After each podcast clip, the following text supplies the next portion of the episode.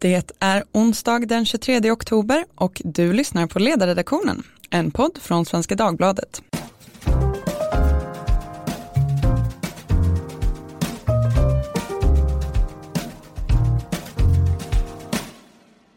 Jag heter Katarina Karkainen och idag ska vi tala om jobbskatteavdraget och skatternas påverkan på sysselsättning. Relationen mellan skatter, bidrag och sysselsättning har ju diskuterats livligt.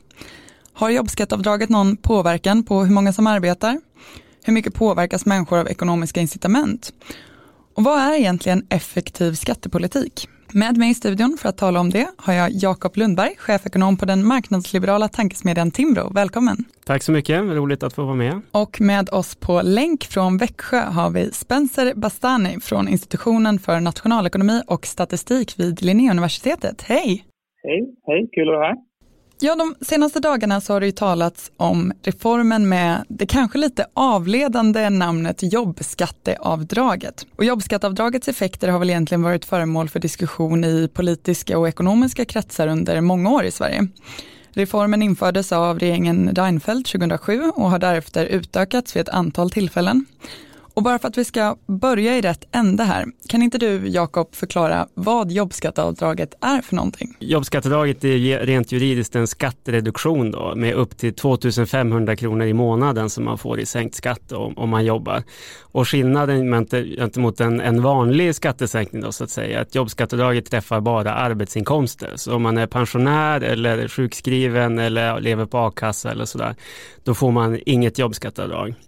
Och det var hela syftet med det här då, att helt enkelt öka skillnaden mellan jobba och, och, att inte jobba. För Sverige är ju lite speciellt jämfört med en del andra länder att man även beskattar ja, sjuk, eh, sjukpenning och, och a-kassa och allt sånt här. Så därför så måste man då inrikta det särskilt på arbetsinkomster för att man ska få den här effekten då, att det ska löna sig mer att arbeta som, som ju alliansregeringen var ute efter. I ett papper som är publicerat i Ekonomisk debatt så skriver ett antal forskare knutna till Uppsala universitet om jobbskatteavdraget. Och de konstaterar, vi har försökt att utvärdera om avdraget faktiskt ökar sysselsättningen. Vår sammantagna bedömning är att resultaten inte på ett trovärdigt sätt kan tolkas som effekter av jobbskatteavdraget. Varför är det så svårt att utvärdera den här reformen? Ja, det är för att den riktar sig till alla som arbetar helt enkelt. Och, och nationalekonomer, det här kan Spencer berätta mer om, men, men, nationalekonomer som vill undersöka sånt här vill ju ha en kontrollgrupp. Så helst skulle man ju vilja ha att eh, alla som är födda på onsdagar eller något sånt där hade fått jobbskatteavdraget och alla andra hade inte fått det. Då hade man ju väldigt enkelt kunnat jämföra de här två grupperna. Men i och med att man ger det till alla så är det då väldigt svårt att jämföra. Det man försökte i den här artikeln var då att titta på att jobbskatteavdraget skiljer sig lite åt mellan kommunerna. Men man kom fram till att den här skillnaden mellan kommunerna var inte tillräckligt stor för att man skulle kunna använda det till att, att utvärdera själva jobbskatteavdraget. Eh, och jag ska säga, det, det, är egentligen en ganska ny grej det här inom nationalekonomi, att man ska använda sådana här som man kallar det naturliga experiment och jämföra då en grupp som har, har, blivit påverkad av en reform och en annan grupp som inte har blivit det. För att då på ett trovärdigt sätt faktiskt kunna hitta orsakssamband med, med sådana här reformer. Det började man prata om på, på 90-talet. Eh, så nu, nu, och det, det ställer helt upp på att nationalekonomer tycker att nu ska man kunna utvärdera reformer som genomförs. Men då måste det också vara, vara utformat på ett sådant sätt att det faktiskt finns en, en, kontrollgrupp, en opåverkad grupp som man kan använda för att jämföra med. Spencer, vad säger du? Instämmer du i bilden att det inte riktigt går att säga vilka sysselsättningseffekter den här reformen fick? Eh, ja, det, det är ju slutsatsen som den här forskargruppen eh, drar och eh, det finns ju en, en, en, hög forskningskompetens inom den gruppen att, att göra den bedömningen. Eh, så att, eh, men det, det man kan göra i sådana här sammanhang det är ju att vad forskare ibland gör då när man, när man inte har möjlighet att, eh, att evaluera eh, en faktisk reform då, då, kan man istället använda studier eh, från andra länder då, och då utnyttjar man den kunskapen för att då eh, extrapolera in i, i den svenska kontexten och därmed kunna säga någonting om, om vad den här reformen eh, borde ha för effekter då, eh, givet den empiriska forskningslitteraturen. Så att, eh, det är ju en alternativ väg att gå. Att, att eh, ja, det blir ju lite mer spekulativt då, eftersom man faktiskt inte faktiskt kan utvärdera eh, den svenska reformen. Men det, det är ett sätt att, att lära sig något åtminstone om vad, vad eh, det svenska jobbskatteavdraget i, eh, i teorin borde ha för effekter. Och det är väl det som många eh, politiker också eh, gör då. Varför tror ni att man, om man får lov att spekulera, utformade jobbskatteavdraget eh, som man gjorde, om det nu gör det så svårt att utvärdera? Jag tror inte att politiker i första hand tänker på den aspekten, eh, utan man, Eh, man, man tänkte nog på, på det rent politiska helt enkelt, att folk ska få mer pengar i plånboken och, och, det ska löna sig mer att arbeta. Det här är en väldigt stor reform på över 100 miljarder och jag kan tänka mig att det finns politiska problem med att utforma det som, som någon typ av experiment eller lotta ut det eller något sånt där. Det här är någonting som, som, som är väldigt viktigt för forskningen, att man, om man ska kunna komma med, med eh, riktigt trovärdiga studier om, om eh, jobbskatteavdraget och andra reformers effekter så bör de utformas på det här sättet. Men det är klart, man måste ju lyfta in här då att, att det, som, det som gör att det finns ett motstånd till det här då är ju att eh, det kan upplevas som orättvist om, om en viss grupp då får, får sänkt skatt beroende på någon slumpmässig faktor då, eh, och en annan grupp får, eh, får inte det. Då. Så att, eh, då blir det en, en slags orättvisa i samhället och det kanske inte är helt Eh, ja, oproblematiskt att, att, att, att, att en, en, en stat gör den typen av interventioner. Så det här måste man tänka väldigt noggrant innan man när innan man eh, designar sådana här experiment för att det ska bli, det ska bli bra. Då. Jag tänkte, du Spencer nämnde ju studier från andra länder, men det finns ju även en del studier från Sverige som inte har utvärderat då själva jobbskatteavdraget, men med reformer som gör det mer lönsamt att arbeta. Till exempel då att man genomförde ett, ett förstärkt jobbskatteavdrag till de som är över 65. Och då har då Lisa Laun i Uppsala jämfört då de som är eh, 65 år gamla och de som är 64 år gamla och alltså fick ett lägre jobbskatteavdrag. Och hon såg då ganska tydliga effekter av det här. Att det, eh, det blev mer lönsamt att arbeta för 65-åringarna och då är det fler 65-åringar som, som faktiskt jobbar. Och du Spencer har ju varit med och skrivit ett annat papper som har en, en lite liknande utformning. Ja, precis. Det har du helt rätt i. Så det är inte bara studier från andra länder man kan använda utan. Man kan även använda, använda andra studier på, på svenska data. Och, eh, och en, en tolknings jättefråga här, en viktig aspekt är ju att några av de här tidigare studierna som har gjorts på svenska data, eh, till exempel den här studien som du nämner som jag själv har med, varit med och skrivit, eh, där använder vi reformer i, i, i bidragssystemet. Eh, och eh, och eh, ja, i princip då finns det, om, om, om, om man ska tänka kring vad som kan göra en människa att, att, att vilja gå från icke-arbete till, till arbete, då är det egentligen eh, två aspekter som är viktiga. Det är då hur generösa bidragen är och å andra sidan hur, hur höga eller låga skatterna är. Och eh, när man ska empiriskt eh, angripa den här frågan eh, då kan man leta efter då, eh, möjligheter, eh, såna sådana här reformer eh, som alltså man kan titta på för att utvärdera de här effekterna. Då kan man antingen titta på reformer i bidragssystemet eller man kan titta på skattereformer. Och eh, i den här utsättningen som jag har varit med och skrivit så tittar vi på en reform i bidragssystemet och eh, eh, då får man också göra någon slags extrapolation. Då kan man liksom överföra den här kunskapen om eh, reformer i bidragssystemet till då att uttala sig om vad det skulle för effekter om man då eh, ändrar skattesystemet. Så det, det, så i, i, det handlar helt om att bygga, att bygga kunskap baserat på, på, på, olika pusselbitar som inte är exakt det som man studerar i det aktuella fallet då, som är det här jobbskatteavdraget eftersom själva jobbskatteavdraget eh, som sådant inte, inte gick att utvärdera. Då. Just det. Men om vi ska prata om den här generella, inte bara vad gäller jobbskatteavdraget, utan relationen mellan skatter, bidrag och, och sysselsättning. Jakob instämmer du i den bilden som vi var inne på alldeles eh, kort eh, nyss. Vad, vad, du har gjort en forskningsöversikt för Ratio. Vad kommer den fram till? Mm, det var då jag och John Norell som gick igenom 31 studier, varav tre är från Sverige då och ganska många är från USA, där man precis som Spencer är inne på tittar på antingen skattereformer eller bidragsreformer som helt enkelt har, ja, i de flesta fall då ökat gapet mellan att jobba eller inte jobba. Och eh, jag tror att det var i 26 av de här 31 studierna så såg vi då att det finns tydliga indikationer på att om man gör det mer lönsamt att arbeta då ökar även sysselsättningen, åtminstone för kvinnor då, för där ser vi större effekter. Uh, och ja, en, en av de här studierna är den här eh, studien av, om bostadsbidraget som, som Spencer var inne på, där man också finner då att när man ändrar bidragssystemet så att det blir mer lönsamt att arbeta, då, då arbetar också fler personer precis. Nej, men det är ju... Uh, så det, så det, det som finns då är ju det finns en, en, en stor forskningslitteratur som på olika sätt har, har studerat hur människor reagerar till förändringar i det här gapet mellan att arbeta eller inte arbeta då, i termer av finansiella instrument. Eh, och eh, sen finns det ju alltid eh, aspekter som att något som vi kallar publication bias i, i forskningskulturen då att man att det finns en tendens att studier som hittar positiva effekter eh, publiceras mer ofta än studier som inte hittar några effekter.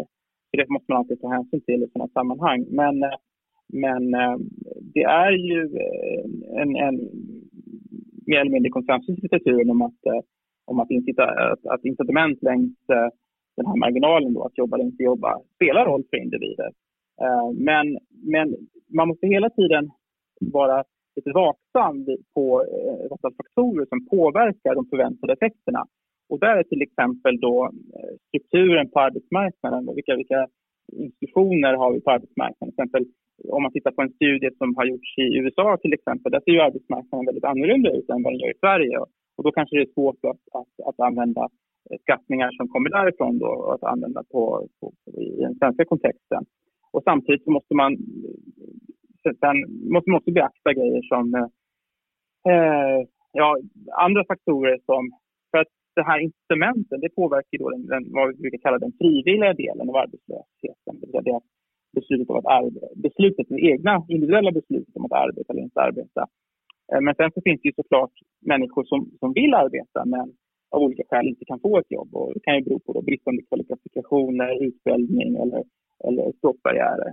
Så att, eh, och det är den här ofrivilliga delen av arbetslösheten.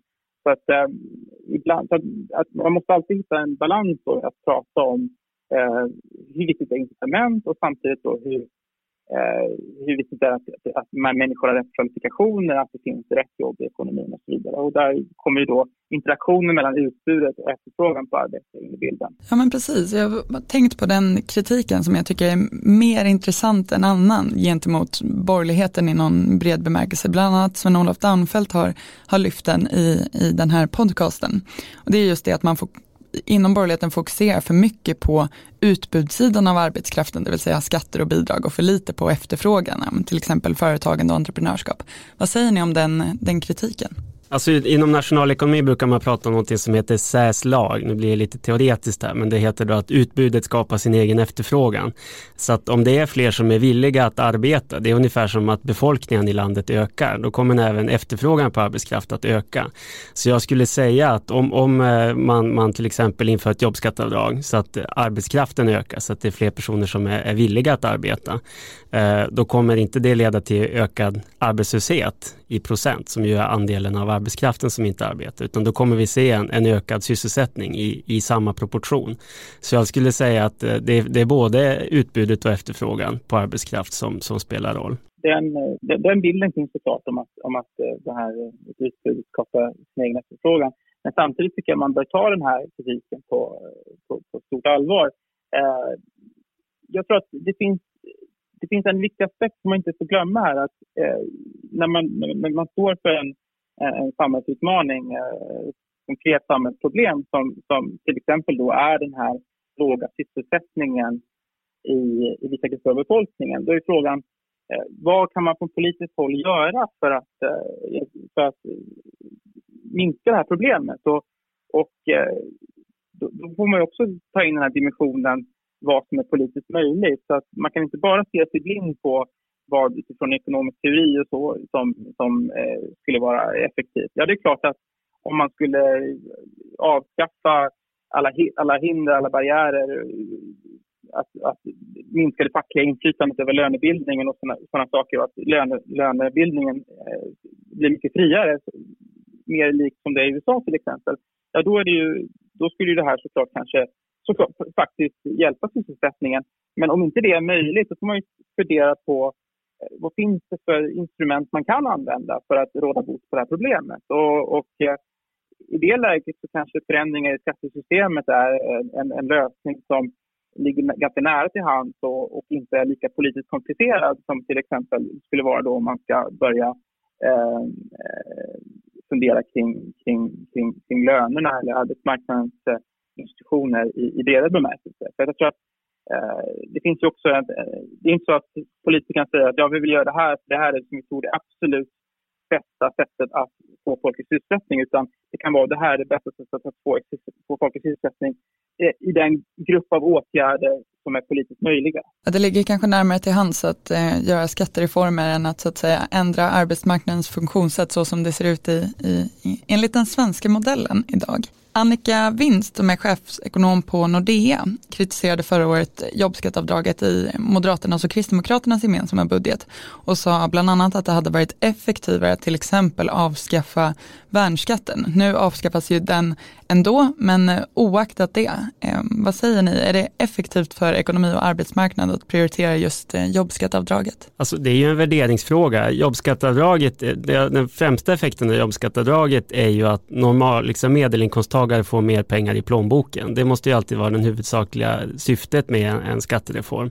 Sen kommer det enligt teori och eh, även empirisk forskning som vi har varit inne på även att leda till, till ökad sysselsättning.